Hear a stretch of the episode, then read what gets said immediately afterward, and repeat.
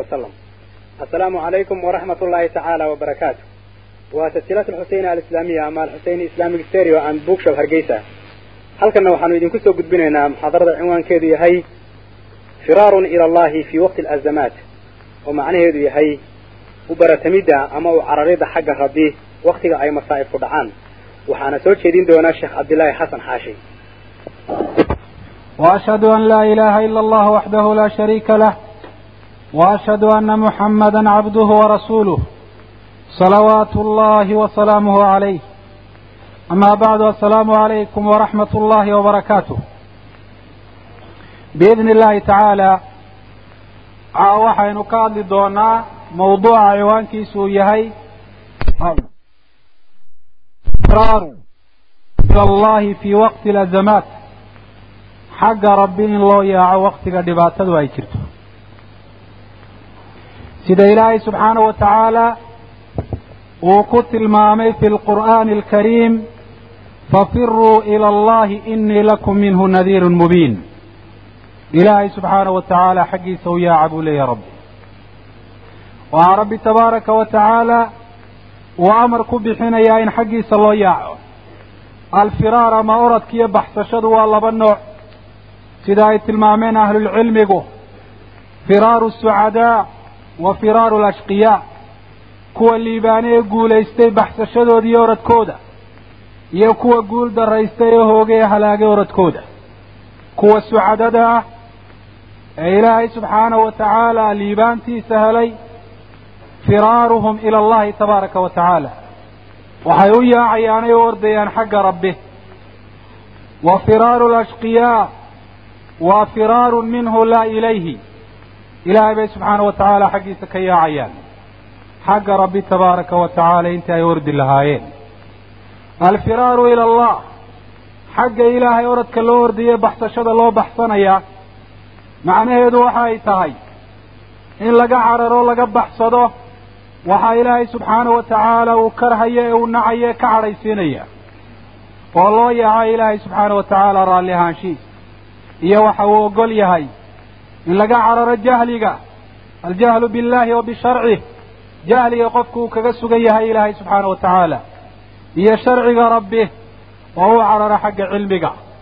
In laga cararo min alkufri washirki waazandaqa gaalnimada in laga cararo oo loo cararo ila aliimaan in laga cararo macsiyada iyo mukhaalafada amarka rabbi tabaaraka wa tacaala oo loo cararo ilaahay taacadiisa iyo ka amar qaadashadiisa iyo hoggaansankiisa in laga cararo min alghafla mooganaanta in laga cararo oo loo cararo ilaahay subxaana wa tacaala xuskiisa iyo dikrigiisa. Ilaahay subxaana wa tacaala waxa uu ku tilmaamay socodka iyo oradka noocaasi ah inuu yahay firaar. Sababtuna waxay tahay sida ahlucilmigu ay tilmaameen raxmatullaahi calayhim. Waayo xagga ilaahay marka loo cararo ee loo noqdo waxaa halkaasi laga helayaa badbaado iyo wax lagu farxo iyo guul iyo wax lagu liibaano ayaa laga helayaa. Haddii ilaahay subxaana wa tacaala xaggiisa loo carari waayo intaa midna la heli maayo waxaa lala kulmayaa wixii laga baqayey iyo wixii la nacayyo wixii naftu ay karaahiyaysanaysay waxaa markaa ereygaa firaaru ina tusinaya walaalayaal marka ilaahay uu leeyahay fafiruu ila allah ana waraa'a annaasi ciqaaban wa cadaaban wa amran xaquhu an yufara minhu. Dadka inuu ka dambeeyo ciqaab iyo cadaab iyo arrin mutaysata in laga ordo. Waxaynu naqaanaa ibni aadamku. Marka uu cararaayo waxa uu ka cararaa wixii uu ka baqanayo dhibaata inay ka soo gaadho uu filayo. Waxaanu u cararaa xagga uu malaynayo inuu ku badbaadayo. Oo amni iyo nabadgelyo uu ka helaayo. Wixii uu damacsana ama uu jeclaana uu kala kulmaayo aayaddu markaa waxa ay kulmisay bayna altaxdiiri waalistidcaa digitaan dadka looga digaayo. Ilaahay tabaaraka wa tacaala cid aan ahayn inay weheshadaan inay xaggooda ku hadhaan inay xaggooda u cararaan. Yeedhitaan iyo baaqitaan dadka loogu baaqaayo ilaahay xaggiisa inay u soo yaacaan si ay u badbaadaan. Waxaa weliba taasii xoogaynaya qawlu nabiyi calayhi asalaatu wasalaam allahuma laa malja'a walaa manja minka ilaa ilayk ilaahay oo meel lagaaga badbaadaa ma jirto. Meel lagaaga dhuuntaana ma jirto. Ilaa xaggaaga in loo soo cararo mooyaane.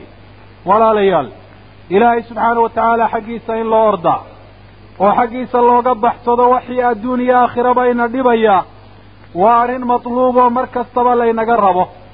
Gaar ahaan waxaa laynaga rabaa wakhtiga fitanku ay jiraan. Azamaadku ay jiraan dhibaatooyinka waaweyni waayo ilaahay xaggiisa in loo cararo loo noqdo ayaa lagu badbaadayaa oo lagaga baxayaa mixanka iyo masaa'ibta lagaga baxayaa dulliga iyo hoosaynta lagu gaadhayaa cizada iyo sharafta iyo awoodda iyo cadowga ilaahay iyo cadowga muslimiinta in laga xoog roonaado. Waxaa arrinka noocaasi ayna tusinaya wakhtiga dhibaatadu ay jirta in xagga ilaahay loo yaaco. Qawluhu tacaala awalaa yarawna annahum yuftanuuna fii kulli caamin maratan aw maratayn uma laa yatuubuun walaa hum yadakkaruun waxaa rabbi uu leeyahy tabaaraka wa tacaala isagoo canaananaya oo tilmaamaya inay la yaab mutaysteen qoom kuwaasi oo sanadkiiba hal mar ama laba jeerba fitna ay ku dhacayso iyo imtixaan iyo balaayo iyo masaa'ib intaa kadib aan waxba ku qaadanayn fitnadaasi oo aan toobadkeen ahayn oo aan kuwaan toob ahayn arrinka noocaasi ah waxaa rabbi markaa uu aayadda ku xusaya oo uu tilmaamayaa marka fitnadu ay dhacdo ee masaa'ibta iyo mixanku ay dhacaan inay arrintaasi tahay yeedhma ilaahay addoomihiisa u yeedhayo oo ugu yeedhayo tawbada oo rabbi ugu yeedhayo inay waantoobaan oo xaggiisa ay u soo noqdaan. Waxaa kaloo rasuulkeenna calayhi salaatu wasalaam ka sugnaaday axaadiis cadcad oo tusinaysa wakhtiga fitanka iyo masaa'ibtu ay jiraan in xagga ilaahay loo yaaco. Ilaahay loo toobad keeno loo noqdo. Ilaahay la weheshado ilaahay nasri iyo guul iyo gargaar laga dalbo la yska ilaaliyo macsiyada iyo foolxumada addoonka rabbigii tabaaraka wa tacaala ka fogeynaysa wuxuu leeyahy cabdullaahi ibni camr ibnu alcaas rasuulka calayhi salaatu wasalaam ayaanu la soconnay. Safar ayaa ay ku jireen meel ayaanu degnay buu yidhi. Qof waliba waxa uu ku mashquulsanaa siduu u degi lahaa boosna uu heli lahaa daabadiis iyo gaadiidkiisana uu xidhan lahaa. Fanaadaa munaadiyu rasuuli illaah waxaa dhawaaqay kii rasuulku amray calayhi salaatu wasalaam inuu dhawaaqo. Wuxuu yidhi alsalaata jaamicatan. Salaada kaalaya iyadoo ah mid la rabo in laysugu yimaado. Waxaa rasuulku calayhi salaatu wasalaam yeedhmada noocaasiyo uu isticmaali jiray. Marka arrin muhima ummadda uu ugu yeedhayo. Wuxuu leeyahy cabdullaahi ibnu camr faijtamacnaa ilaa rasuuli illaah rasuulka calayhi salaatu wasalaam ayaanu ku soo ururnay. Faqaala innahu lam yakun nabiyun qablii ilaa kaana xaqan calayhi an yadulla ummatah calaa khayri maa yaclamuhu lahum wayundirahum shara maa yaclamuhu lahum nebi igamuu horrayn buu ihi nebi maxamed calayhi salaatu wasalaam hadduu iga horreeyo waxaa waajib ku ahay khayr kasta uu og yahay ummaddiisa inuu sheego shar iyo foolxumo iyo xumaan kastuu og yahay ummaddiisa inuu uga digo rasuulku calayhi salaatu wasalaam intaa wuxuu ka dhiganayaa hordhac iyo araar bimacnaa aniguna ambiyadaasi ayaan ka mid ahay khayrkaan ogahay oo dhan waa inaan idiin sheego. Sharka iyo xumaanta aan ogahay oo dhanna waa inaan idinka digo. Wuxuu leeyahy nebigu calayhi salaatu wasalaam isagoo la hadlaya saxaabada wa inna ummatakum haadihi jucila caafiyatuhaa fii awaliha ummaddiinan waxaa badbaadadeeda iyo nabadgelyadeeda fitan iyo shar iyo macsiyo iyo xumaan ay ka badbaado la siiyey inteedii hore. Waa alquruun almufadala waa saddexdii qarni ee la fadilay weeye saxaabada iyo taabiciinta iyo atbaacdoodii wasayusiibu aakhirahaa balaa'un wa umuurin wa umuurun tunkiruunaha ummadda inteeda dambe saddexdaa qarni inta ka dambaysa waxaa ku dhici doona buu leeyahy nebi maxamed calayhi salaatu wasalaam balaayo masaa'ib mixan wa umuurun tunkiruunaha iyo arrimo aad saluugtaan oo aydaan jeclaysan. Wa tajii'u fitanun yuraqiqu bacduhaa bacda waxaa iman doona fitan mid weliba tii iyada ka horraysa ay wax yar ay uga dhigto dadkii oo ay ugu muujiso. Macnaa mid waliba taa ay ka dambayso ayaa waxa weeyaan ay ka adagtay. Fitnadii hore mid fudud baa loo arkaya marka ay mid damba timaado wa tajii'u alfitna fayaquulu almu'min haadihi muhlikatii fitna ayaa imanaysa buu uhi nebi maxamed calayhi salaatu wasalaam markaasuu odhanayaa qofka muuminka ahi tii aan ku halaagsamayey waa tan tuma tankashif.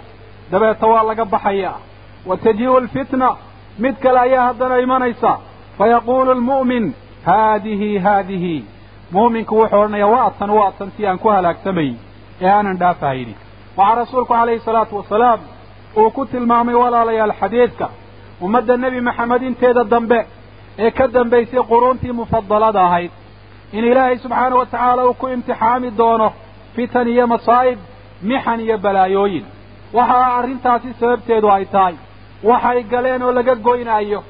Iyo in la imtixaamayo bal iimaankooda la eegaayo. Labada arrimood ayaa sabab u ah. Waxaa rasuulku calayhi salaatu wasalaam uu ku tilmaamayaa fi lxadiid fitanka iyo masaa'ibtu markay yimaadaan waxa lagu badbaadayo. Ee la gudboon qofka muuminka ahi inuu ku sifoobo uu la yimaado. Faman axaba an yuzaxzaxa can innaar wayadkhula aljanna falta'tihi maniyatuh wa huwa yu'minu billahi walyawmi alaakhir qofka jecel in naarta laga fogeeyo oo jannadana uu galo oo uu helo. Geeridu ha u timaaddo isagoo rumaysan ilaahay tabaaraka wa tacaala. Oo rumaysan yowmul aakhir waxaa taa macnaheedu uu yahay maaha iimaanku? Iimaanu lqalbi oo qura in looga jeedo. Ilaahay waa inuu rumeeyo qawlan wa camalan wa ictiqaadan hadal ahaan iyo ficil ahaan iyo caqiida ahaanba mid ilaahay rumaysan waa inuu noqdo qofka muuminka ahi. Oo iimaanku qalbigiisa uu galo oo hadalkiisa uu ka muuqdo oo xubnihiisa iimaanku waxa weeyaan uu ka muuqdo.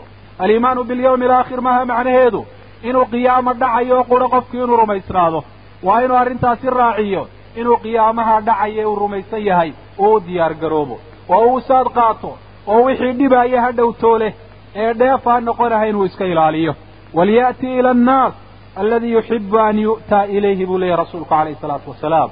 Ha ula yimaado dadka oo ha kula dhaqmo sida uu jecel yahay in lagula dhaqmo qofku wax allaaliya wuxuu karaahiyaysanayo u nacayo dadka ha ka ilaaliyo wuxuu jecel yahayna ummadda waxa weeyaan hawla yimaado wuxuu jecel yahay in loo sameeyo dadka ha u sameeyo. Xadiidka imaam muslim baa warinaya. Waxaa markaa walaale xadiidku uu tilmaamaya in fitanka iyo masaa'ibta iyo mixanka lagaga badbaadayo biaadaa'i alxuquuq xuquuqda in la gudo. Xaqullahi tabaaraka wa tacaala in la gudo. Oo lagu gudo biliimaani bih. Ilaahay in la rumeeyo iimaan saadiqoo dhaba oo dhammaystiran xuquuqda addoomaha saas oo kale in la gudo oo addoonku uu ka ilaaliyo addoomaha wixii dhibaya wixii uu jecel yahayna inuu la yimaado. Waxaa markaa xadiidkaas wayna tusinayaa waktiga fitanka iyo mixanku ay jiraan xagga ilaahay tabaaraka wa tacaala in loo yaaco oo iimaankiiyo caqiidada la adkaysto oo dhaqanka iyo akhlaaqda la hagaajisto in lagaga badbaadiyo fitanka iyo mixanka. Waxaa kaluu leeyahy cabdullaahi ibnu cumar radia allahu canh samictu rasuula allahi yaquul idaa tabaayactum bilciina وأخذتم أذناب البقر ورضيتم بالزرع وتركتم الجهاد. سلط الله عليكم ذلا لا ينزعه حتى ترجعوا إلى دينكم. رواه أبو داود. waxaan maqlay buu عبد الله بن عمر نبي محمد عليه الصلاة والسلام oo leh marka aad iibka xaaraanta wax ku kala iibsataan oo aad lo-da dabadeeda qabsataan aad ku mashquultaan ku mashquulshaan dhaqashada xoolaha oo aad ku raali noqotaan zaraca beeraha aad ku raali noqotaan oo xuquuqdii ilaahay tabaaraka wa tacaala aad dayacdaan oo jihaadkii aad ka tagtaan ilaahay wuxuu idinku sallidaya o idinku ciqaabayaa dulli buu ilaahay idinku sallidaya. Maanta walaalayaal miyaanay taasi inoo muuqan? Waxaa xadiidka macnihiisuu yahay marka waajibaadkii iyo xuquuqdii ilaahay uu lahaa la dayaco wixii ilaahay uu mamnuucay uu xaaraantimeeyena lala yimaadee lagu dhaco in abaalka addoomuhu ay helayaan iyo jazaagoodu uu noqonayo inuu ilaahay subxaana wa tacaala dulli dusha ka saaro. Dulligu uu noocyo baday. Dulliga waxaa ka mid a inay macsiyadii ku dhacaan oo si fudud ay ugu dhacaan oo iimaan macsiyadii ka celiya waxa weeyaan ay waayaan. Dulliga waxaa ka mid a awood darrada iyo dacfiga cadowgoodii oo iska celin kari waayaan. Dulliga waxaa ka mid a tafaruqa inay kala tagaan oo ay isu iman waayaan oo iskaashigii waxa weeyaan dhexdooda ka dhexeeyey ee dhex yaallay meesha uu ka baxo walaaltinimadii ay dhimato haadaa kulluhu dullun. Waxaasoo dhami waa dulli waxaana u sababa macsiyad. Waa mid maanta muslimiinta ka muuqata walaalayaal. Haddii ay noqoto macsiyadii waynu aragnaa sida ilaahay wixii uu xaaraantimeeyey had iyo habeen iyadoo aan lala xishoonahayn oo la qarsanahayn loo samaynayo. Waajibaadkii ilaahay addoomaha uu saaray sidaa loo dayacay ee aan waxba la yskaga tirinahayn way noo muuqataa. Muslimiintu sida maanta ay u kala tegeen ee bari iyo galbeed ay u kala kaceen oo shadara madara ay noqdeen waa mid inoo muuqata. Walaaltinimadii ilaahay dhexooda u dhigay siday u dhimatay waa mid inoo muuqata. Awood darrada haysataa waa inoo muuqataa cadowgoodii inay iska celin kari waan waa inoo muuqataa waa dulligaa ilaahay tabaaraka wa tacaala uu ku ciqaabayo. Nebi maxamed calayhi salaatu wasalaam waxa uu sheegay dulliga wixii lagaga bixi lahaa. Dulligaasi waa joogaya ummaddana waa haysanaya ilaa diintooda ay u noqonayaan laa yanzicuhu xataa tarjicuu ilaa diinikum ilaahay idinka siibi maayo idinka dulqaadi maayo dulliga caynkaasiya ilaa diintiina aad u noqotaan waa diintii oo dhan weeyi caqiidada saxda ahayd loo noqdo cibaadadii suubaneed loo noqdo akhlaaqdii iyo dhaqankii wanaagsanaa iyo mucaamaladii islaamku ummadda uu faray ee uu jideeyey loo noqdo loo noqdo islaamnimadii xumaanta qofka ka reebaysay wanaaggana faraysay ilaa diintaa loo noqdo dulligaas waa taagnaanaya nasri iyo guulina ma jirayso. Isu imaansho ma jirayo. Walaaltinimo ma jirayso. Awoodina ma jirayso. Nebi maxamed baa yidhi calayhi salaatu wasalaam waxaa walaale markaa xadiidkaasuna uuna tusiyey. Wakhtiga ay dhacaan fitanka ee muslimiinta dulli uu asiibo in waajibka saaran uu yahay si ay dulligaasi uga baxaan inay diintooda ay u noqdaan oo ilaahay subxaana wa tacaala ay u toobad keenaan. Waxaa walaalayaal aanu shaki ku jirin. Zamankan aynu ku jirnaa inuu yahay zamanu fitna muslimiintuna inay ku jiraan dulli iyo dacfi iyo taagdarro. Waxay noo muuqata muslimiintu inay sanad kasta ama wakhti kasta macaarik iyo dagaalla ay la gelayaan kuwa gaalada ah oo ah ilaahay cadowgiisa subxaana wa tacaala ah cadowga dadka muuminiinta. Waxay noo muuqata muslimiintu macaarigta iyo dagaallada inaanay ku guulaysanahayn oo laga adkaanayo. Haddii ay ku guulaystaan oo nasri iyo guul ay helaanna inaanay guushaasi samare iyo midho sii jira oo jooga inaanay dhalahayn sida ka dhacday jihaadu afghanistaan cadowgii axmarka ahaa alruusiya alxamraa. Muslimiintu waa ka guulaysteen markii jihaadka ay la galeen. Laakiin ayna samaratu ljihaad jihaadkaa samaradiisi meeday midhihiisina mee. Marka ama guul la'aan baa dhacaysa ama guushii waa la helayaa laakiin midho iyo samar ayaana yeelanahayn arrinta noocaasi ayaa inoo muuqata waxaa shakilaana walaalayaal. Arrinta noocaasi inay tahay aahaartii iyo raadadkii macaasida muslimiintu ay samaynayaan oo ilaahay tabaaraka wa tacaala ay ka gelayaan inay arrintaasi ay ka dhalatay. Inay ka dhalatay arrintaasi dadka muslimiinta ah oo aan la iman asbaabtii ay ku mutaysan lahaayeen ilaahay tabaaraka wa tacaala gargaarkiisa iyo nasrigiisa. Kaasoo ilaahay subxaana wa tacaala uu ballan qaaday. Laakiin shardi uu uga dhigay in asbaabtiisa lala yimaado lagana dheeraado waxyaabaha nasriga is hortaagaya ee mancinaaya ee diidaaya. Ilaahay miyaanu ballan qaadin nasriga oanu odhan? Wa kaana xaqan calayna nasru lmu'miniin waxaa dushayadaa buuhi rabbi tabaaraka wa tacaala oo ilaahay uu isku waajibiyey kuwa mu'miniinta inuu gargaarayo. Nasrigii maanta mee ma ilaahay baa ballankiisii buriyey oo oofin waaye? Laa ina allaha laa yukhlifu almiicaad. Ilaahay ballankiisa ma buriyo. Kamana baxo. Laakiin ilaahay yuu u ballan qaaday nasriga. Almu'miniina buu u ballan qaaday. Kuwa iimaankii dhabta ahaa ee ilaahay tabaaraka wa tacaala uu waajibiyey ee addoomaha uu ka rabay la yimi. Markaa macnaheedu waa maxay? Haddii nasrigii la waayo iimaankii ayaan la taxqiijin. Nasrigaasi lagu heli lahaa. Ilaahay miyaanu odhan in tansuru allaha yansurkum wa yuthabbit aqdaamakum. Haddaad ilaahay u gargaartaan ilaahay tabaaraka wa tacaala waa idin gargaaraya. Nasriga muuminiinta ilaahay u ballan qaaday shardiga ku xidhani wuxuu yahay inay horta iyagu ilaahay u gargaaraan. Ilaahay sidee bay ugu gargaarayaan waa inay ka soo baxaan xuquuqdii ilaahay subxaana wa tacaala uu ku lahaa allatii awjabahaa calayhim ilaahay uu ku waajibiyey. Waa inay ka dheeraadaan waxa ilaahay tabaaraka wa tacaala ka cadhaysiinaya. Haddii se taa iyaga laga waayo nasrigii ilaahayna lama helayo weeyaan macnaheedu. Ilaahay tabaaraka wa tacaala miyaanu odhan walaa tanaasacuu fatafshaluu wa tadhaba riixukum. Ilaahay miyaanu waara iskhilaafina oo ha kala tegina. Waxaa dhici doona inaad fashilantaan oo awooddiinnu meesha ay ka baxdo oo cadowgiina aad iska celin kari weydaan haddii aad kala tagtaan. Miyay maanta yihiin dadka mu'miniinta ahi kuwa mutaxidiina cala alxaq kuwa xaqa ku midoobay oo isugu yimi tafaraaruqa ka dhexeeya waynu aragnaa. Hadday dawlado noqoto hadday ay shucuub noqoto hadday noqoto qabaa'il hadday ashkhaas iyo afraad noqoto markaa nasrigii iyaga ayaa mu'miniintu hor taagan iyaga ayaa manciyey. Mu'miniintu ma taxqiijiyeen tawxiidkii. Ilaahay tabaaraka wa tacaala keliyeyntiisii mise shirki bay dhex dabaalanayaan oo ilaahay kayrkii bay barayaan. Xaggee buu nasri ka imanaya iyadoon tawxiid aan la taxqiijin. Miyay taxqiijiyeen? Alukhuwatu waalijtimaac walaaltinimadii iyo iskaashigii iyo kulankii. Jawaabtu waa maya. Miyay taxqiijiyeen alisticdaad diyaar garowgii ilaahay tabaaraka wa tacaala uu faray. Ee macno ahaan iyo maadi ahaanba inay u diyaar garoobaan ilahay uu ku waajibiyey. Jawaabtu waa maya. Haddii taas markaa la waayo oo muuminiintu ay ka soo bixi waayaan arrinka noocaasiya asbaabtii nasriga ay ku helayeen ay la iman waayaan dee waxaa dhacaysa inuu ilaahay u gargaari waayo. Maaha taagdarra xagga ilaahay ka timi. Maaha ilaahay cadowgooda inuu iyaga ka jecel yahay. Laakiin ilaahay tabaaraka wa tacala iyaga ayuu edbinaya.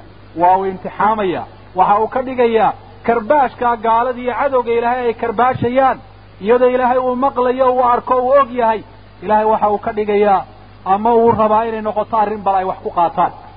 Oo ay markaa noqoto natiijadu inay ilaahay tabaaraka wa tacala ay u toobad keenaan bal dhegaysta walaalayaal dardaarankan la yaabka badan ee uu bixiyey amiiru lmu'miniin cumar ibnu khadaab radia allahu canh waa darsi dhan baynu odhan karnaa dardaaranka iyo cahdiga iyo ballanka cumar ibnu khadaab radia allahu canhu ummadda uga tegey cumar ibnu khadaab ciidan dhan ayaa u diray. Waxaa madaxuu uga dhigay saxaabigii la odhan jiray sacd ibnu abilwaqaas wuxuu u diray ilaa bilaadi faris ardul faris inay furtaan buu u diray. Ciidankii markuu dirayey waxa uu qoray ballan iyo dardaaran uu la dardaarmayo ciidanka iyo ninka hogaamiyaha u ahba. Waxaa markaa yihi cumar ibnu khadaab ama bacdu fa inii aamuruka waman macaka min alajnaadi bitaqwa allahi calaa kulli xaal. Waxaan ku farayaa buuhi ninka madaxdaayow adiga iyo ciidanka kula socdaba inaad ilaahay ka baqataan. Oo ilaahay meeshuu idinka doonay aanu idinka waayin. Meeshuu ilaahay idiin diidayna aanu idinku arag. Fa ina taqwa allahi afdalu alcuddati cala alcaduwi wa aqwa almakiidati fi lxarb ilahay in laga baqdaa tabaaraka wa tacaala oo xuquuqdiisa laga soo baxaa xoog cadow lagaga adkaado waa kow weyn siyaasad iyo xeel dagaal oo cadow lagu muquuniyana waa ta u xoog badan buu leeyahy cumar ibnu khadaab radia allahu canhu haddaad ilaahay ka baqan weydood qof muslima tahay awood kasta haddii aad leedahay cadowgaaga iska celin kari maysid mana yeelanaysid xeelo dagaal waxa uu leeya wa amuruka waman macak an takuna ashadda ixtiraasan min almacaasi minkum min caduwikum. Waxaan ku farayaa adiga iyo ciidanka kula socdaba inaad macsiyada aada uga fognaan badnaataan cadowgiina macnaa cadowgiinu sida macsiyada ay isaga ilaalinayaan si ka badan waa inaad isaga ilaalisaan. Sida idinku cadowgiina aada isaga ilaalinaysaan si ka badan waa inaad macsiyada isaga ilaalisaan. Waayo macsiyadu iyada ayaa cadowga idiin jebinaysa haddaad cadowga ka baqanaysaan oo aad gaadh samaysanaysaan oo aad dhufaysya gelaysaan oo aad ka fogaanaysaan meelaha cadowgu idinka liishaami karo ogaada macsiyada ayaa cadowga idinkaga daran. Si aad cadowga isaga ilaalinaysaan si ka xoog badan isaga ilaaliya macsiyada buu leeyahy wuxuu leeyahay cumar ibnu khadaab radia allahu canhu fa ina dunuuba aljayshi akhwafu calayhim min caduwihim. Ciidanku dembiga ay sameeyaan iyada ayaa loogaga cabsi badan yahay cadowgooda macnaa ciidanka in looga baqdo dembigooda iyo in cadowgooda looga baqdo waxaa muhima in dembigooda looga baqdo. Waayo haddaanay dembi lahayn oo ilaahay ay ku xidhan yihiin cadowgooda waxba kama qaadi karo. Laakiin dunuub marka ay sameeyaan cadowgoodii iskama celin karaan iskamana difaaci karaan. Dunuubta ayaa u jebinaysa oo lugta u qabanaysa buu leeyahy cumar ibnu khadaab radia allahu canhu wa inamaa yunsaru lmuslimuun bimacsiyati caduwihim lilah muslimiinta muxuu ilaahay ugu gargaaraya? Ilaahay wuxuu ugu gargaaraya muslimiinta cadowga ay muslimiinta ishayaan oo gaalada ahi cisyaanka ilaahay ay caasiyeen ayaa ilaahay muslimiintana ugu gargaaraya gaaladana uu jebinaya laakiin haddii muslimkii iyo gaalkii macsiyadii ay ka sinaadaan dee ilaahay tabaaraka wa tacaala wax muslimka ugu gargaaraa meesha ma yaallo. Oo wixii cadowgaa ilaahay uu ku jebin lahaa ee muuminkana ugu gargaari lahaa oo ah in macsiyada laga fogaado ayaa meesha ka maqan. Wuxuu leeyahy walawlaa daalika lam takun bihim quwa haddaanay gaaladu ahaan lahayn kuwa ilaahay caasiyey muuminiintuna aanay ahayn kuwa ilaahay addeecay. Muslimiintu iskamay celin kareen buu leeyahay gaalada. Cumar ibnu khadaab radia allahu canhu. Waayo lianna cadadanaa laysa ka cadadihim gaalada la tira ma nihin buu leeyahy la fara ma nihin. Waa inaga fara badan yihiin. Wa cuddatunaa laysat ka cuddatihim. Qalabka dagaale aynu haysanaana ka ay haystaan la mid maaha buu leeyahy fain istawaynaa fi lmacsiya kaana lahum calayna alfadlu fi lquwa haddaynu xaggii macsiyada ka sinaano ila iyagaa inaga awood badan oo inaga tiro badan oo inaga qalab yahu badane dee way inaga guulaysanayaan taasi ayaa maanta muslimiinta haysta wallahi xaqiiqada dhabtahay waa taa ma jirta waxaynu odhan karnaa ma jirta macsiyo gaala ay sameeyaan oo ma aanu maanta muslim samayn. Xataa kufrigana ku dhaho. Dadka islaamka u nisbo sheeganaya ma jirta macsiyo ay gaala samaysay oo aanay iyagu samayn. Idan istawa fi lmacsiya gaalki iyo islaamka waxa ay ka sinaadeen xaggii cisyaanka ilaahay. Haba kala waaweynaata macaasidu laakiin labaduba waxay ku sifoobeen inay yihiin kuwa ilaahay tabaaraka wa tacaala caasiyey dabeetana ilaahay umuu kala hiilin oo muslimkii umuu hiilin. Waayo muslimkii wixii ilaahay ugu hiilin lahaa isaga ayaa la iman waayey waxaa dhacday markaa in kii roonaa un reerka u hadhay kii xoog weynaa unu noqday ka mar walba waxa weeyaan guulaysanaya ee ka kale muquuni muquuninaya. Wuxuu leeyahy cumar ibnu khadaab wain lam nansur calayhim bifadlina lam naglibhum biquwatina. Fadli aynu dheernahay iyo ilaahay inaynu uga dhownahay oo aynu ilaahay inagu adeecnay iyaguna ay caasiyeen. Haddaan le taa laynoogu gargaarin awood aynu leenahay lanoogu gargaari maayo. Waayo mar walba waa inaga awood badan yihiin. Waaclamuu ana calaykum fii sayrikum xafadatan min allah xafadatun min allah yaclamuuna ma tafcaluun faاstaxyuu minhum. Ogaada markaaad socotaan waxaa idinla socota malaa'ig ilaahay uu idin diro o idin ilaalinay iska ilaaliya marka. Waxaad samaynaysaan way ogyihiin ka xishooda macsiyaha samaynina walaa tacmaluu bimacaasi illahi wa antum fii sabiili illah idinkoo cadowgii la dagaalamaya ilahay macaasidiisa ha samaynina maanta muslimiinta sifadooda waa tayo tilmaantooda iyagoo cadowgii la dagaalamaya iyo ilaahay caasiyayaan cadowgii bay la dagaalamayaan salaad inaanay tukan baa laga yaabaa cadowgii bay la dagaalamayaan fuxshi iyo xumaan bay ku hadlayaan cadowgii bay la dagaalamayaan caqiide xun bay aaminsan yihiin shirki bay aaminsan yihiin ama bidcay aaminsan yihiin ama almabaadi'u alhadaamay aaminsan yihiin bacsiya ishtiraakiya ama calmaaniya dimuqraatiya waxa noocaasiya baa laga yaaba inay aaminsan yihiin. Iyagoo cadowgii la dagaalamaya ilaahay gargaarkiisa kuwa noocaasi may mutaysan. Waxa uu cumar ibnu khadaab radia allahu canhu uu baraarujinaya. Arrin laga yaabo dad fara badan inay ku dagmaan oo ay yidhaahdaan cadowgeenna soo inagu kama wanaagsanin oo soo iyagu inagama shar badna. Mar hadda iyagu mar walba inaga shar badan yihiin oo inagu aynu mu'minuuna muslimuuna nahay. Iyaguna kufaarun mulxiduuna ay yihiin dee mar walba inagaa ka guulaysanayn in la yidhahdaa laga yaaba oo arrinta noocaasa la isku qanciyo. Wuxuu leeyahy cumar ibnu khadaab walaa taquluu ina caduwanaa sharun mina falan yusallata calayna. Ha odhanina bu uhi cadowgeenna waa inaga shar badan yahayo laynagu sallidi maayo. Oo waa iska celin karaynaa taasi ha isku maaweelinina oo ha isku qancinina waa inaasaana xumaan ba aynu samayne isagaa inaga shar badan oo laynagu sallidi maayo ha odhanina fa ruba qawmin sullita calayhi man huwa sharu minhu imisaa qoom lagu salliday cid ka shar badan. Oo waxa weeyaan ilaahay tabaaraka watacaala uga fogaansho badan. Maxaa loogu salliday iyagaa la ciqaabiya waxay galeen baa laga jaraya. Imtixaanna waa la marinaya. Wuxuu tusaale u soo qaatay reer banu israa'iil oo marka ahaa kuwa ilaahay tabaaraka watacaala rumaysan ayaa ilaahay majuus uu ku salliday oo dabcaabud ahaa. Markaasay gumaadeen oo madaxa ay ka gureen. Ma aha markaa macnahu in cidda ilaahay tabaaraka watacaala kaaga fogaasho badan adigu aada uga dhowdahay inaan lagugu sallidahayn macaasida adigu aada samaynaysa ayaa keensanaysa? In waxa weeyaan lagugu sallido. Waxa uu leeyahy wasalu wasaluu llaha annasra calaa anfusikum kama tas'aluunahu nasra calaa caduwikum. Waa cibaaro iyo jumlo aada u qiimo badan. Ilaahay waxaad weydiisataan inuu naftiina idinka gargaaro si aad u weydiisanaysaan inuu ilaahay cadowgiina idinka gargaaro. Waayo cadowga kama guulaysan kartaan ilaa nafta aad ka guulaysataan cadowga lama jihaadi kartaan ilaa nafta aad la jihaadaan marka ilaahay marka aad baryaysaan ee aad leedihiin ilaahu cadowga nooga gargaar waxaa sidaas oo kale ilahay aad ka baridaan inuu ilaahay tabaaraka watacaala naftiina uu idinka gargaaro waxaa walaalayaal inoo muuqata dadkii wanaagsanaa quruuntii saddexda ahayd dadka cumar ibnu khadaab waanooyinka iyo talooyinkaa uu siinayay ku dhaqmay ee ka qaatay u hoggaansamay in ilaahay subxaana watacaala u gargaaray iyadoo cadowgu uu ka tiro badan yahay oo uu ka xoog weyn yahay oo uu ka hub badan yahay oo uu ka dhaqaalo badan yahay ayaa haddana ilaahay tabaaraka watacaala u gargaaray miyaan dagaalkii beder aanay malaa'ig ka qayb gelin? Ilahay baa tabaaraka watacaala soo diray. Malaa'igtii dagaalkii beder ka qayb gashay maanta miyay dhinteen maxaa dagaalada muslimiintu ay gelayaan ay uga qayb geli waayen limaada? Limaada lam tushaarik almalaa'ika fi lxuruubi aljaariya bayna almuslimiina walkufaar maxay malaa'igtu uga qayb geli weyda maanta macsiyada ay muslimiintu samaynayaan baa hortaagan. Hadday muslimiintu toosnaan lahaayeen siday saxaabadu u toosnaayeen iyo dadkii hore wanaagsanaa ilahay tabaaraka watacaala malaa'igtii buu soo diri lahaa. Dagaalkii ghaswat laxzaab markii gaal oo dhami ay isu soo xuluufaysatay la dagaalanka islaamka iyo dadkiisa oo magaaladii madiino caasimadii islaamka ay hareereeyeen ilaahay tabaaraka watacaala gaaladii maxaa uu diray? Muxuu ku salliday? Dabayl buu ilahay tabaaraka watacala ku salliday. Ilaahay dabayl miyuu waayey? Maanta maraykanka iyo ingiriiska iyo xulafahooda uu ku sallido maxaa ilaahay tabaaraka watacaala dabaylihii ugu diri waayey? Limaada waxaa ilaahay tabaaraka watacaala sida aanu u samaynin liannahu dadkan maanta jooga ayaan ahayn kuwa nasriga mutaystay waxaan xusuustaa maalin dhaweyd ayaa nin weyn oo odayaa wuxuu yidhi ilaa konton sannadood iyo waxoogay baan jiray oo ilaa lixdankii intaan garaadsaday. Islaamka madaxaasunbaa lagaga taagay. Kii madaxaa la soo kacaba madaxaa la jebinaya. Wallahi anigu garan maayo arrintu sa ay tahay. Ma muslimiintan aan ahayn islaamkii dhabta ahaa mise wax kalaa meesha jira?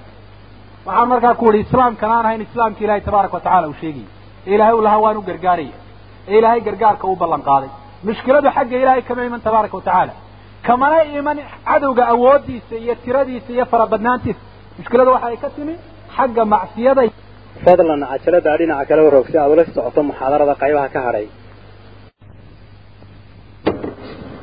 waxaa kaloo walaalaynu baraarujinaynaa masaa'ibtan iyo balaayooyinkan ilaahay tabaaraka wa tacaala muslimiinta uu ku sallidayo ha noqoto abaaro ha noqoto xanuuno ha noqoto cadowgoodoo jabiya oo ay iska celin kari waayaan. Ilaahay tabaaraka wa tacaala arrinkaasi ujeeddada iyo xikmada uu ka leeyahay waxaa ka mid ah inay ilaahay xaggiisa ay u soo noqdaan oo ilaahay isu dhuldhigaan oo ilaahay ay u hoggaansamaan waa xanuujin la xanuujinayo si ay khaladkooda ay u dareemaan oo ilaahay subxana wa tacala ugu toobad keenaan. Ilahay wuxu uhi wamaa arsalnaa fii qaryatin min nabiyin ilaa akhadnaa ahlaha bilba'saa'i waaddaraa lacallahum yadaracuun ilaahay wuxuu leeyahay qole magaalo degan oo nebi aanu u diray ma jirto. Oo nebigii bimacnaa raaci waaye oo ajiibi waaye. Hadday jiraan waxaanu ku sallidnay u leeyahy rabbi tabaaraka wa tacaala dhibaatooyin iyo waxyaabo aanay u sabri karin. Maxay tahay xikmada ilaahay uu ka leeyahy masaa'ibta maruu ku dirayo o ku sallidaayo? Lacallahum yadaracuun waxaa laga yaabaa inay toobad keenaan oo ay soo noqdaan oo bal ay wax ku qaataan oo ay ku waantoobaan. Waxaa markaa maanta caalama ka dhacaaya muslimiintaa la dhibaataynaayo ee gaala ay dhibaataynayaan. Marba dagaal lagu soo qaadayo ee maalmo gudahood laga yaaba in waxa weeyaan lagu jebiyo o lagaga guulaysto oo gaaladu wixii ay doonayeen ay fushadaan. Ilaahay tabaaraka wa tacaala xikamka uu ka leeyahay marka laga yimaado inay tahay ciqaab ilaahay uu ciqaabayo dadka mu'miniintu ku ciqaabay khaladaadkii ay galeen iyo dunuubtii ay irtikaabeen. Waxaa ka mid a in la xanuujinayo bal si ay u toobad keenaan oo ilaahay subxaana wa tacaala ay ugu soo noqdaan oo ilaahay xaggiisa ay ugu yaacaan ilaahay xaggiisa uu cararka loo cararaayo waxaa ka mid ah atawba in ilaahay subxaana wa tacaala loo toobad keeno. Tawbadu waa maxay? Tawbadu qofku waa inuu ogaado uu dareemo. Dembigan uu galay weynida uu leeyahay iyo xumaanta iyo foolxumada uu leeyahay oo qadhaadhkiisa uu dhadhamiyo. Oo uu ka murugoodo dembiga noocaasiya oo uu qasdiyo inuu dembigaasi ka taga islamarkaa wakhtiga soo socdana aanu dib aanu ugu noqon. Tawbadu waa inuu qofku ilaahay xaggiisa u soo noqdo waayo macsiyadu qofkii ilahay bay ka fogeynaysaa. Waxay u dhowaynaysaa shaydaan iyo xisbigiisa ilaahay tabaaraka wa tacaala iyo xisbigiisana waa ay ka fogeynaysaa. Addoonkii markaa tawba ha sameeya marka le macnaheedu waxa weeye waa xisbiga shaydaanka ha ka yimaado. Ilaahay tabaaraka wa tacaala xaggiisa ha u soo kaco oo ilaahay subxaana wa tacaala iyo xisbigiisa ha ku soo dhowaado. Tawbadu waa mid waajiba si caam guud ahaan ayay waajib u tahay insaan oo dhan ayay waajib ku tahay. Ma jiro qof la odhan karo qofkaa toobadi waajib kuma aha. Nebi maxamed calayhi salaatu wasalaam waynu garanaynaa. Khayrkiisa iyo wanaaggiisa iyo sharka siduu uga fogaa. Haddana nebi maxamed calayhi salaatu wasalaam wuxuu leeyahy wardadow toobad keena? Innii atuubu fi lyawmi mi'ata mara ilaahay waxaan u toobad keenaa maalintii boqol jeer. Waa nebi maxamed calayhi salaatu wasalaam nebi maxamed baa toobadkeen laga rabay. Maxaad u malaynaysaa waxa weyaan cidda ka sokaysa. Innaga maxaad inoo malaynaysaa. Sidaas oo kale waxaynu garanaynaa saxaabada fadligood iyo wanaaggood iyo khayrka ay lahaayeen. Ilaahay bay rumeeyeen. Iimaanka dhib fara badan ayaa ka soo gaadhay. Ilaahay daraaddii bay u jihaadeen. Oo naftoodii iyo xoolahoodii ay u bixiyeen oo dhiiggoodii loo daadiyey. Ilaahay tabaaraka wa tacaala daraaddii bay u hijroodeen ee u qaxeen oo ay ka tageen xoolahoodii iyo guryahoodii iyo dadkoodii kuwa ka midaba. Haddana ilaahay tabaaraka wa tacaala wuxuu leeyahy isagoo la hadlaaya watuubuu ila allahi jamiican ayuha almu'minuuna lacallakum tuflixuun ilaahay u toobad keena mu'miniintiyey dhammaantiin jamiican iyadoon laydin kala reebreebin haddaad ilaahay u toobad keentaan liibaan ayaad gaadhaysaan alfalaax wixii aad doonayseenna waaad helaysaan fi dunya waalaakhira wax allaale wixii aad ka baqanayseen e aad karaahiyaysanayseenna ilaahay tabaaraka wa tacala wuu idinka badbaadinaya ilaahay aayadda ayuu kula hadlaya oo cidda u horraysa soo gelaysa ay tahay waa ahluliimaan khiyaaru khalqi illaahi tabaaraka wa tacaala ayaa ilaahay u faraya tabaaraka wa tacala inay toobad keenaan. Oo uu tilmaamaya liibaan iyo guul inaanay gaadhahayn adduunyaha aakhiratoona ilaa ilaahay tabaaraka wa tacala u toobad keenaan. Innaga maxaad inoo malaynaysaa? Innagaa uga awlaysan inaynu waxa weeyaan ilaahay tabaaraka wa tacaala u noqonno. Iyadoo iimaankeennu uu daciifay badanaaba. Khaladaadkeenna iyo macsiyadeenu ay badan tahay. Xuquuqdii iyo waajibaadkii ilaahayna saaray tabaaraka wa tacala aynu dayacnay waxa toobadu si guud ay waajib ugu noqotay insaan oo dhan isu geeyo laa yakhlu can macsiya. Macsiyo kama madhna ilaahay tabaaraka wa tacala waa caasiyey. Haddii macsiye uu xubnihiisa ku sameeyey uu ka madhan yahayna kama madhno inuu qalbigiisu ku hamiyey macsiye iyo khalad. Hadduu taa ka madhan yahayna kama madhna wasaawista shaydaanku inay naftiisa iyo qalbigiisa ay soo gaadhay iyo afkaarta shaydaanku wata. Oo ay ka mashquulisay ilaahay subxaana wa tacaala dikrigiisa. Hadduu taa ka madhan yahay kama madhna inuu ka mashquulay oo kaflad uu kaga sugan yahay garashada ilaahay tabaaraka wa tacala weynida ilaahay garashada macaanida asma asmaada iyo magacyada ilaahay iyo sifaadka rabbi tabaaraka wa tacaala. Ma jira insaan naqsi ka madhan laakiin naqsiga waa waa waa loo kala badan yahay. Sa awgeed tawbadii si caam oo guud ahaana ayay waajib u tahay. In wakti kasta la toobad keeno oo cid kasta ay toobad keento oo khalad kasta laga toobad keeno. Waxaa laga toobad keenayaa maaha macsiyo la sameeyey. un waajibkii laga tegay waa in laga toobad keeno. Labadaasi waa waajib. Sunnadii aad ka tagtay waa inaad ka toobad keento waa tawbatun mustaxaba makruuha aad samaynaysa waa inaad ka toobad keento oo tawbadaasina waa tawbatun mustaxaba khaflada iyo mooganaanta iyo mubaaxaadka aad ku mashquulshay waa inaad ka toobad keento. Waa tawbatun matluuba taasina. Nebi maxamed calayhi salaatu wasalaam wuxuu yihi kullu ibni aadam khataa wa khayru lkhataa'iina atawaabuun ibni aadam oo dhami waa mid khaladkiisa iyo gafkiisa uu fara badan yahay miyaanu ilaahay odhan inakum tukhti'uuna fi lleyli waannahaar dadkii waad gafaysaan oo waad khaldamaysaan had iyo habeen. Aniguna tawbada waan aqbalaa ee toobadkeenaan idinka toobad aqbale. Dadkaa khaladka iyo gafka ku dhacaya waxaa u khayr badan buu leeyahy nebi maxamed alayhi salaatu wasalaam kuwa toobadkeena mar kale walaalayaal ilaahay isagoo ina tusinaya ahamiyada ay toobadu leedahay addoomihii ayaa ilaahay u qaybiyey laba qaybood buu u qaybiyo mid saddexaad aan lahayn. Bal qof walaba labadaa qaybood ka aad ku jirta eeg mid saddexaad ma jire. Waxa ilaahay u qaybiyey addoomihii ilaa taa'ibin wa dhaalim mid toobadkeena iyo mid daalima ayaa ilaahay tabaaraka wa tacala u qaybiyey mid saddexaad rabbi tabaaraka wa tacaala muu sheegin. Waxaa rabbi tabaaraka wa magaca daalimka uu siiyo dusha uu ka saaray oo huwiyey kaan ilaahay aanu toobad keenahayn ila insaan oo dhami waa gafayaa sida aynu tilmaanay waxaa ilaahay tabaaraka wa tacaala magacaa u huwiyey ka jaahil ka noqday xaqii ilaahay uu ku lahaa ee garan waaye ceebtii naftiisa dareemi waaye aafaadka iyo xumaanaha camalkiisa uu leeyahay aan garanahayn ilahay wuxuu uhi waman lam yatub fa ulaa'ika hum aldaalimuun kuwa aan toobad keenin kuwaasi ayaa kuwa daalimiinta. Kuwa aan toobad keenin magacoodu waa maxay? Waa aldaalimuun dadku waa taa'ibun wa dhaalim. Toobad keene iyo daalim doore inaad daalim noqoto. Dhaalimna ilaahay tabaaraka wa tacaala waa abaalmarinaya. Si shaki la'aana waxaanu ilaahay ku abaalmarinayaa waxaanu raalli ka ahayn addoonkaasi iyo inaad noqoto mid taa'iba oo aad ku biirto kuwa ilaahay jecel yahay. Waayo si ilaahay tabaaraka wa tacaala tawbada uu inoo jeclaysiiyo waxaa rabbi tabaaraka wa tacaala uu tilmaamay inuu jecel yahay kuwa toobadkeena ibni aadamku haddii gaf iyo khalad laga galo waxaa laga yaabaa inaanay jeclaysan in loo cudur daarto cudurdaaradka xataa ay karhaan. Laakiin ilaahay sidaa maaha. Adoo ku khaldamay oo xaqiisii dayacay oo waxaanu raalli ka ahayn sameeyey oo ilaahay ka cadhaysiiyey ayaa haddana ilaahay waxa uu jecelyay inaad toobad keento. oo toobadaadii uu ku farxaya ina allaha yuxibu altawaabiin wa yuxibu almutatahiriin ilahay wuxuu jeceliyay kuwa toobad keena. Wuxuu jeceliyay kuwa isdaahiriya oo oogadoodan daahiriya ka daahiriya macaasida iyo khaladaadka qalbigooda iyo baatinkoodana waxa weeyaan daahiriya ilaahay tabaaraka wa tacaala toobadaada waa ku farxaya. Sida nebi maxamed alayhi salaatu wasalaam uu tilmaamay. Waayo addoonku marka khalad iyo gaf uu sameeyo waxa uu ka dhigan yahay addoon cadowgii uu qafaashay. Haddii aabbaha ama ilmaha aad dhashay ama qofka aad jeceshahay cadow uu kaa qafaasho ka war. Soo arrinta noocaasi ah ka xumaan maysid oo ku murug gelin mayso. Haddii addoonkii lagaa qafaashay isagoo soconaya uu ku yimaado oo cadowgii uu ka soo baxsado uu ka fakado ma ku farxaysaa mise ku farxi maysa waad ku farxaysaa soo ma? Ilaahay tabaaraka wa tacaala addoonkan toosna ee addoomihiisa ka mid ahaa.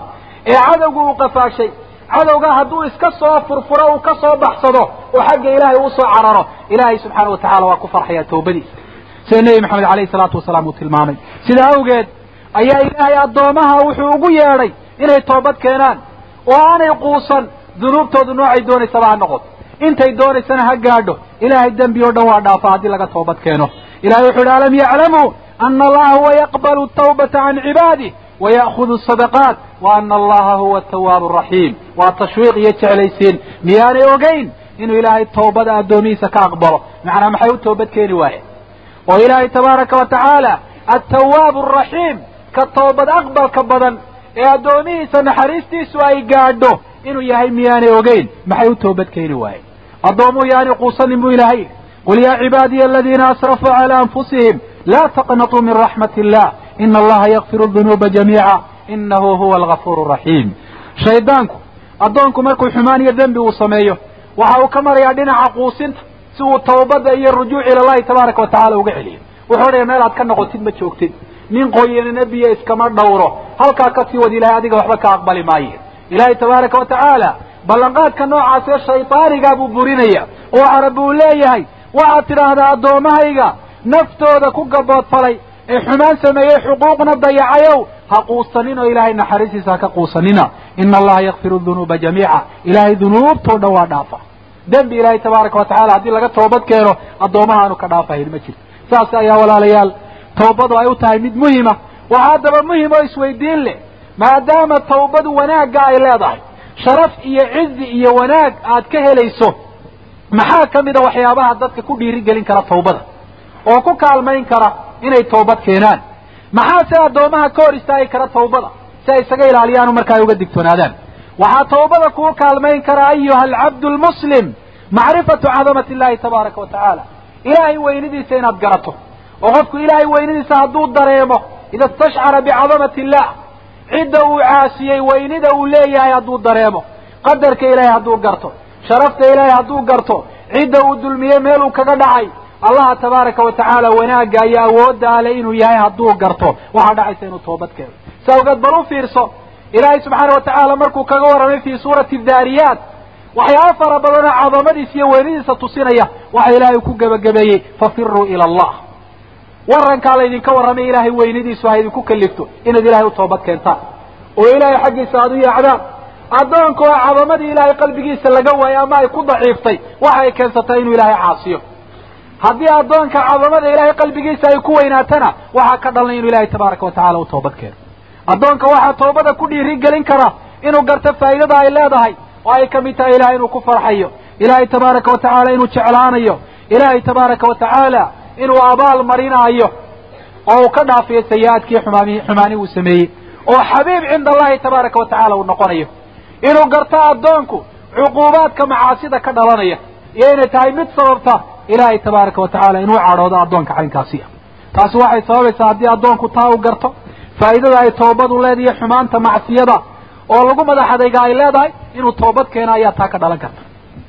Waxaa ka mid ah inuu addoonku garto oo uu dareemo ilaahay waxa uu diyaariyey kuwa taa'ibiinta oo ah janno oo ilaahay u uhi lahum maa yashaa'uuna cinda rabbihim dalika jazaau lmuxsiniin waxaa rabbigood agtiisa loogu diyaariyo ay ku leeyihiin. Wax allaaliya waxay doonaan oo ay jeclaystaan. Wax allaaliya wixii ay ku hamiyaan. Kuwa muxsiniinta ee wanaagfalayaasha ee ilaahay xaggiisa u soo noqda abaalmarintooda taasay noqota addoonku taa hadduu dareemo waxaa dhacaysa si uu abaalka u helo muxsiniintana uga mid noqdo inuu ilaahay tabaaraka wa tacala u toobad keeno oo ilaahay xaggiisa u soo noqdo.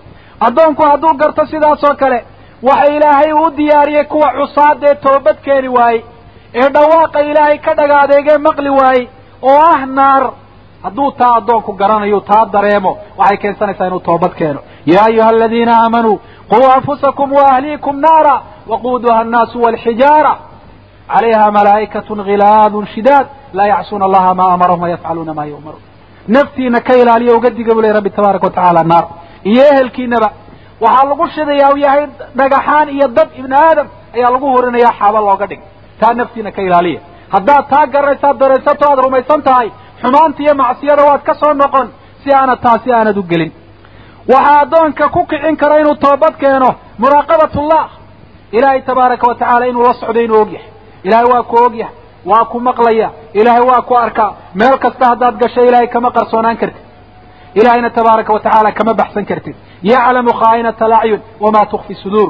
Taasi waxay noqon kartaa wax macsiyada kaa celiya haddaad isdareensiiso kalifana inaad ilaahay subxaana wa tacala xaggiisa unoqotid aad toobad keentid. Waxaa keeni kara addoonku inuu toobad keeno xagga ilaahay u noqdo alkhawfu min suu'i alkhaatima.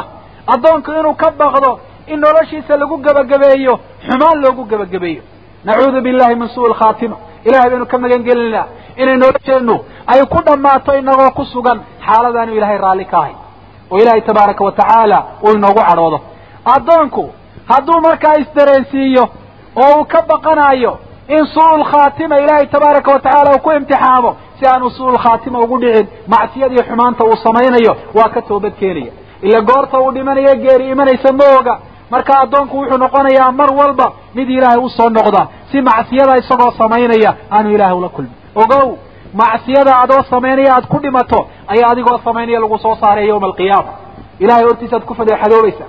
Khalqiga hortoodaad ku fadeexadoobaysaa. Markhaati uma baahna oo mid aad dafiri kartana waxa weeyaan ma aha. Sidaasoo kale walaalayaal addoonku waa inuu iska ilaaliyo waxyaabaha toobada ka hor istaagi kara. Waxaanaynu ku soo ururinay waxyaabaha addoonka toobada ka hor istaagi kara. Alrujuuc ila allah ka hor istaagi kara afar arrimood. Waa ashaytaan iyo annafsu addunya alkhalq. Ka horreeya waa shaydaanka ilaahay baa inoo tilmaamay inuu cadow inoo yahay. Dariiqa khayrka inuu inoo istaagayo oo uu inaga xidhiyo inaga hor istaagayo ilahay tilmaamay walaa yasudanakum ashaytaan inahu lakum caduwan mubiin buu ilahay shaydaanku khayrka yaanu idinka hor istaagin tawbada yaanu idinka celinin xumaanta iyo macsiyadu idin qurxinaayo waxa weeyaan ha ka maqlina oo ha dul fadhiina xumaanta xagga ilahay uga soo yaaca walaa tattabicuu khuطuwaati shayطaan bu ilahay shaydaanka tallaabooyinkiisa ha raacina cadow ayaa waxa weeyaan uu idin yahay markaa shaydaanku waa cadow macsiyada marka hore waa ku qurxinaya marka aad dhex gashana waa kuu macaanaynaya tawbadii wax adag oo culus buu kaaga dhigaya. Waxaa laga yaabaa inuu kaaga yimaado dhinac kaleu ku yidhaahdo. Waxa weeyaan toobada adiga laga aqbali maayo oo uu ku quusiyo. Waxaa laga yaaba inuu taswiif kuu sameeyo ku yidhaahdo. War waa toobad keeni doontaa weli dhalinyar ayaa tahay. Ee iska sii wad iminka. Marka aad weynaataa toobad keeni sanadka dambe laba sanadood kadib baad toobad keeni doonta. Toobadiiu markaa shaydaanku ka hor istaagaya ilaahay baa kaaga diga ha maqli. Dhegna ha u dhigin. Dhawaaqiisa ha dhegaysan. Yeedhmada rabbi tabaaraka wa ajiib naftu sidaasoo kale sida ilaahay uu tilmaamay waa amaaratun bisuu waa mid xumaan bay ku faraysaa wanaaggana waa kaa celinaysaa waxaa lagu xijaayay buu rasuulku calayhi salaatu wasalaam oo lagu teeday jannada waxyaaba naftu ay karaahaysanayso dee jannadii iyo khayrkii lagu gaari lahaa naftu waa kaa celinaysa waxaa naartana lagu teeday oo lagu hareereeyey waxyaaba naftu ay jeceshahay sidaa awgeed naarta wixii lagu gaari lahaa iyo asbaabtii lagu geli lahaa ayaa naftu ay kuugu baaqaysaa sidaa awgeed waxaa ka mida marka waxyaabaha ay naftu kuugu baaqayso inaad macsiyadii iska samayso macsiyadiibaa marka ay ku macaanaynaysaa. Toobadii wax qadhaadh oo aan la liqi karin bay kaaga dhigaysaa. Ha maqlin naftaada hawadeeda khilaaf. Ilahay yeedhmaysa tabaaraka wa tacala ajiib. Ilahay baa wuxu uhi faama man tawa wa aatara alxayaata addunya fa ina aljaxiima hiya alma'wa qofka xadgudbee ka gudba xadku u dejiyey. Oo door bida noloshan adduunyadoo tii aakhire iska ilaaba waxa abaalmarintiisu ay tahay iyo hoyga uu gelaya yawma alqiyaama aljaxiim. Naartaasi sifadeeda ilahay unoo tilmaamay. Wa ama man khaafa maqaama rabbih wanaha annafsa can alhawa faina aljannata hiya almaawa. Ka ka baqda ilaahay ishortaagga uu hor istaagayo ilaahay. Xisaabinta la xisaabinayo carasaatu lqiyaama dadka la soo tubay iyagoo qaaqaawan ka taa ka baqda naftiisana ka reeba oo u diida hawadeediiyo waxa ay jeceshahay. Oo a ilaahay tabaaraka wa tacala waxaanu jeclayn abaalmarintiisu waa janno inuu ilaahay hoygiisa janno uu ka dhigo. Wax allaaliya wuxuu jeclaaye wuxuu doonayey wuxuu tamaniyeyba ilahay tabaaraka wa tacala ugu diyaariyey. Naftaada xisaabi habeen kastoo duma iyo waa kastoo beriya naftaada la gooni noqo waxaad tiraa maanta maxaad khalad samaysay nafay? Si aad uga toobad keentay maxaad maanta waajibaad dayacday. Sunnayaashii imise ayaad ka tagtay. Wanaag ma fartay. Mid buka waxa weeyaan ma booqatay. Dadka xumaan ma ka reebtay khayr ma shaqaysatay. Oo ma kororsatay cilmi iyo wanaag cibaade inteebaad la timi naftaada la gooni noqo waxa weeyaan xisaabi ilahay baa tabaaraka wa tacala arrinka noocaasiya inoogu tilmaamay waxa weeyaan fi lqur'aani alkariim waltandur nafsun maa qadamat ligad naf kastaaba ha xisaabtanta bu uhi rabbi tabaaraka wa tacaala. Oo ha eegto berritoole waxay u diyaarsatay marka waxa ayaddu ay tilmaamaysaa qofka in loo bahaya naftiisa inuu xisaabiyo bal waxaa saad iyo sahay ay haysato iyo inta ay gaadhsiin karto in naftii laga xisaabiyo. Bal culayska saaranayo dembiga dusha ay ku sidato ee socodkeeda gaabinaya meeshii ay doonaysay inay gaadho u diidaya inta uu leegyahay naftii waa in laga xisaabiyo. Si looga rogo culayska noocaasi ah. Saadki iyo sahaydana waxa weeyaan loogu kordhiyo. Muxaasabatu nafsiga markaasi walaalayaa loo baahanya waxaa qofka toobada ka hor istaagi kara addunya inuu addunyadii ku mashquulo. Wuxuu ihi rasuulku addunya malcuuna. Malcuunun maa fiiha ila dikru llahi wamaa waalaa. Wa caalimun wa mutacalim addunyadu way nacdalantay addunya waa malcuuna addunyada loo jeedaa ma aha adduunyada dhismaheedan ee dhulka lagu dul socdiyo samadan iyo waxan maaha. Waa ficilka adduunyada dusheeda addoonku uu ku samaynayo ka nacdalan ee ilaahay tabaaraka wa tacala ka fogi ilaa ilaahay xuskiisa mooyaane iyo wixii ilaahay xuskiisa la xidhiidha ee loo sii maro ama marka laga soo noqdo ilaahay tabaaraka wa tacala xuskiisa la soo maro ee wanaag in lala yimaado. Ama mid khayr baranayo wanaag ama khayr waxa weeyaan dadkii baraya. Bimacnaa adduunyadii inaad khayr iyo wanaag ka shaqaysanaysa mooyaane wixii kale aad ku samaysaaba waa wax ilaahay aanu jeclayn wey oo ilaahay tabaaraka watacala u cadhoonayo sida awgeed adduunyadu yaanay kaa mashquulinin inaad ilaahay tabaaraka watacala u toobad keento hadduu addoonku toobadii xusuusan waayo ka hor oo adduunyada ay mashquuliso. Miyaanu ka mid noqonayn kuwa ilaahay uu yidhi ina aladiina laa yarjuuna liqaa'ana waraduu bilxayaati addunya waطma'anuu biha waladiina hum can aayaatina gaafiluun ulaa'ika ma'waahum annaaru bima kaanuu yagsibuun waxaa rabbi leeyahy tabaaraka wa tacaala kuwa aan rajaynahayn ba on filahaynba inay ilaahay la kulmaan. Oo iska ilaabeen. Maxaa ilowsiiyey noloshii adduunyada ku raali noqdeen aakhiraba waa ilaabeen. Iyada ayaa ay ku xasileen. Aayaadkii rabbi tabaaraka wa tacaala waa moogan yihiin meeshii laga akriyo fadhiisan maayo oo dhegaysan maayaan. Hadday dhegaystaanna dhegahooda dhaafi mayso oo qalbigooda waxa weeyaan geli mayso. Adduunya ayuunbay ka shaxayaanay ka sheekaynayeen. Ilahay wuxuu leeyahy kuwa ahooygoodu waa naar naarta ilaahay markuu geliyey muu dulmiyin waa bimaa kaanuu yagsibuun wixii ay kasbadeen baa sababay inay naar galaan. Marka adduunyaduna waa khatar waa fitno. Suu tilmaamay nebi maxamed alayhi salaatu wasalaam. Waxaa laga yaabaa inay macsiyada iyadu kugu kalifto. Hadhow toolana toobad iyadu ay ka hor istaagto. Adduunyada markaa qadarkeeda iyo qiimaheeda garo si aad isaga ilaaliso. Waxaa ka mid a waxyaabaha addoonka toobada ka hor istaagi kara. Alkhalq. Khalqigaa ka hor istaagi kara. Dadkaa ka hor istaagi kara khalqigu waa fara badan yihi waxaanu tilmaamay rasuulku alayhi salaatu wasalaam ina min annaasi mafaatiixa lilkhayri maqaaliqa lishar dadka waxaa ka mida kuwa khayrka furo u ah sharkana quful u ah macnaa khayr oo dhan way furaan shar oo dhanna way qufulaan oo way xidhaan wa mafaatiixa lishari maqaaliqa lilkhayr waxaa ka mida dadkii kuwa sharka miftaax iyo furo u ah isla markaana quful u ah khayrki iyo wanaaggii waxaa ibni aadamka ka mid a kuwa kaa mashquulinaya ilaahay daacadiisa waxaa ka mid a kuwa kuugu yeedhaya kugu dhiiri gelinaya macsiyada iyo xumaanta. Waxaa ibni aadamka waxa weeyaan ka mid a kuwa ka hor istaagaya tawbad iyo alrujuuc ila allah oo khayrki iyo wanaaggii si foolxun kuugu sawiraya. Sharki iyo xumaantiina waxa weyaan kuu qurxinaya. Sa awgeed baa nebi maxamed alayhi salaatu wasalaam uu tilmaamay in dadka wanaagsan lala saaxiibo lala fadhiisto. Dadka xun ahlu sharkaana laga fogaado oo la iska ilaaliyo almaru calaa diini khaliili falyandur axadukum man yukhaalif. Qofku wuxuu la diin iyo la dhaqan yahay cidda uu la saaxiibo. Midkiin ha eega buu leeyay nebi maxamed alayhi salaatu wasalaam cidda uu markaa la saaxiibayo. Marka khalqiguna waa noocyo badayin kuwa tawbadii khayra ka hor istaagaya ka fogow. Kuwa kuugu yeedhaya ee kuugu baaqaya ee kuu qurxinaya kuwa waxa weeyaan kaaga dhawow tawbaddu walaalayaal si ilaahay subxaana watacala u aqbalo shuruud bay leedahay. Haddaynu shuruuddeeda soo ururino aynu soo koobno waxaa ka mid ah ikhlaas ilaahay daraaddii waa inaad dembiga aad uga tegaysa haddaanad ilaahay daraaddii uga tegaha inaad sabab kale dembiga aad uga tagtay taa tawba lama yidhaahdo tii ilaahay uu jeclo uu ku farxayeyna maaha sa awgeed ba ilah uhi ya ayuha aladiina aamanuu tuubuu ila allah ilaahay xaggiisa u toobad keena ilaahay daraaddii u toobad keena waa inaad dembigii aad ka dhex baxdo waayo addoonku isagoo dembigii ku dhex jira hadduu yidhahdo waan toobad keenay hadihi tawbatu kadaab tawbadii beenaalaha weeyaan taasi mid laga aqbalayana maaha tawbadna maaha xaqiiqadeeda iyo suuradeedu toona addoonku waa inuu ka murugoodo dembigii uu sameeyey. Waayo haddaanu ka murugoon dembigii uu sameeyey waxaa taasi daliil iyo calaamad ay u tahay inuu dembigii raalli ku yahay oo weli uu jecel yahay oo dembigii musirun uu ku yihi sa awgeed baa rasuulku uhi alayhi salaatu wasalaam annadamu tawba. Murugada waxaa la idhahdaa waa tawba iyadaaba tawbadiya. Arkaanta tawbada waxaa ugu muhiimsan murugada inaad xumaanti iyo foolxumadii kaa dhacdo aad ka murugooto. Markaad qadarkeeda waxa weeyaan aad dareento waxaa ka mid a shuruuddaa tawbada inaad goosato inaana dib dambaysa ugu noqon. Laakiin haddaad leedahay waan toobad keenaya haddana ay kuu go-an tahay inaad dembigii ku noqoto. Sababtaasi kuu diiday markay meesha ka baxdo. Amaba se waktiga mustaqbalka inaad ku noqoto haddii aad damacsan tahay taas iyaduna toobad maaha kaana ansixi mayso. Haddii xuquuq ibni aadam iyo madaalim aad gashay waa inaad xuquuqdooda aada u celiso. Oo aad ilaahay tabaaraka wa tacaala dembiga aad gashay aad uga toobad keento iyagana xaqooda aad u celiso tawbadii waa inaad ka dambaysiiso camal saalix oo wanaagsan. Sida ilaahay tabaaraka wa tacaala uu yihi wa inii lagafaaru liman taaba wa aamana wa camila saalixan uma ahtada waanu dembi dhaafaanu rabbi tabaaraka wa tacaala. Ka toobad keena oo iimaan kororsadoo la yimaada oo camal saalixa sameeyo hanuun waxa weeyaan ziyaadsada tawbadaa dabadeed. Markaa tawbada waa inaad ka dambaysiiso camal saalixa oo daliilu noqda inaad xumaantii bedeshay oo wanaag waxa weya inaad ku bedeshay tawbada waa inay dhacdo waktiga ay suurtagalka. Haddii geerida ay kugu soo xadirto naftu ay kaa gurbayso tawba laga aqbali maayo.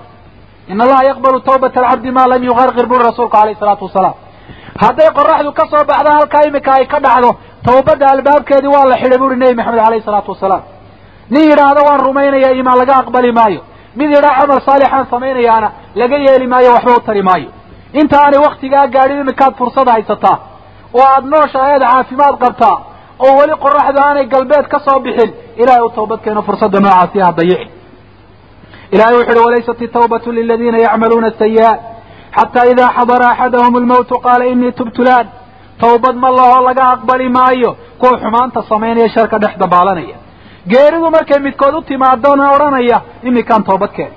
Fircoonba waa laga yeeli waayey. Markuu is yidhi waad qarqoontoo nafti waa kaa baxaysaa.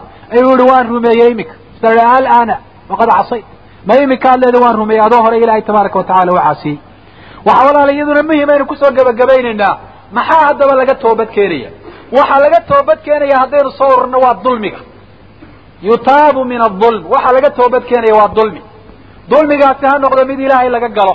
Dulmiga ilaahay laga galaa aslanba dulmigu waa shaygii oo aada dhigto meeshiisii meelaan ahayn cid xaqi ay lahayd aad sii weydoad ka dayacdo ama waxa aanay galabsan dusha aad ka saarta ayaa dulmi la yidhahda ilahay wuxuu xaq inoogu leeyahy inaynu kelidii caabudno oo shirkiga aynu iska ilaalino. An nacbuda waxda walaa nushrika bih. Shirkigu markaa waa dulmi waa in laga toobad keeno. Ina shirka la dulmun cadiim. Ayaa ilahay tabaaraka watacala yidhi. Shirkiga waxaa la yidhaahdaa waa dulmi aad iyo aada u weyn. Waa in laga toobad keeno. Oo sida looga toobad keenaya waxay noqonaysaa in tawxiid lagu bedelo ilahay tabaaraka watacaala la keliyeeyo kelidii la baryo oo kelidii la tala saarto oo kelidii tabaaraka watacaala wax loo qalo iyadoo lagu weyneynayo oo wax lagaga rajaynayo ilaahay tabaaraka watacaala laga baqdo caalamka inuu maamulo rabbi oo tasarufka uu leeyahay la rumeeyo taasi waxa weeyaan addoomaha ay ka muuqato afcaashooda waxaa laga toobad keenaya dulmiga laga galo addoomaha maanta waa inaad ka toobad keento inta aada nooshahay. Marka aad dhimato beritoole toobad laga aqbali maayo xaqiina uma celin kartid addoomaha xasanaadkii wanaagyadii aad samaysay baa lagaa guraya hadday xasanaadkaagu dhammaadaan ay oofin waayeen xaqii dadkaasi ay lahaayeen waxaa dhacaysa in sayi-aadkooda iyo xumaano dusha lagaa saaro dabeetana naarta lagugu turo walciyaadu billah waa arrintan qiyaamaha lagu qabsan oo cay cid aad cayday aan lagu qabsan ama cid aad gacantaada wax ugu geysatay aan lagu qabsan cid aad xoolahoodii aad qaaday ama dhul ha noqdaan ama wax kale ha noqdaan aan lagu qabsan cid aad dhiigoodii daadisay aan lagu qabsan cid aad xuquuqdoodii duudsiday aan lagu qabsan cid aad dusha ka saartay waxaanay galabsan intaan lagu qabsan. Ilahay hortiisa tabaaraka watacala maanta toobadke maanta ayaad markaa fursad haystaa ayuha alcabd. Ayuha alcabd lmu'min waxaa laga toobad keenayaa dulmiga addoonku naftiisa uu ka galo. Nafteenaynu dulmiyna macaasanaynu ku dulminayna waayo nafteenna waxay naga mutaystay inaynu macsiyadii xumaanta aynu ka ilaalino oo naarta dee aynu ka badbaadino quwa anfusaku waa kan ilahay le tabaaraka watacaala haddaynu sidaas samayn weyno nafteenii baynu dulminay xaqii aynugu lahaydna waynu ka soo bixi weynin dulmiga caynkaasi waa in laga toobad keeno oo macsiyadii laga noqdo laga dhex baxo. Daaco iyo wanaag iyo khayr waxa weeyaan meesheedii la geliyo. Waxaan walaal ku soo gebagabeynaya hadalka. Toobadda dhammaanteen waynu u baahanay qof oona ha is odhanin aduu shanta salaadoodna waa tukataa waana isdhowrtaayo toobad uma baahni wallahi kulluna naxtaaju ilaa tawba. Dhammaanteen tooba baynu baahanay mid yaraystay iyo mid badsaday xumaanta. Mid waajibaad fara badan alxamdu lilah wsalaatu wasalaamu calaa rasuuli llahi sala allahu alayhi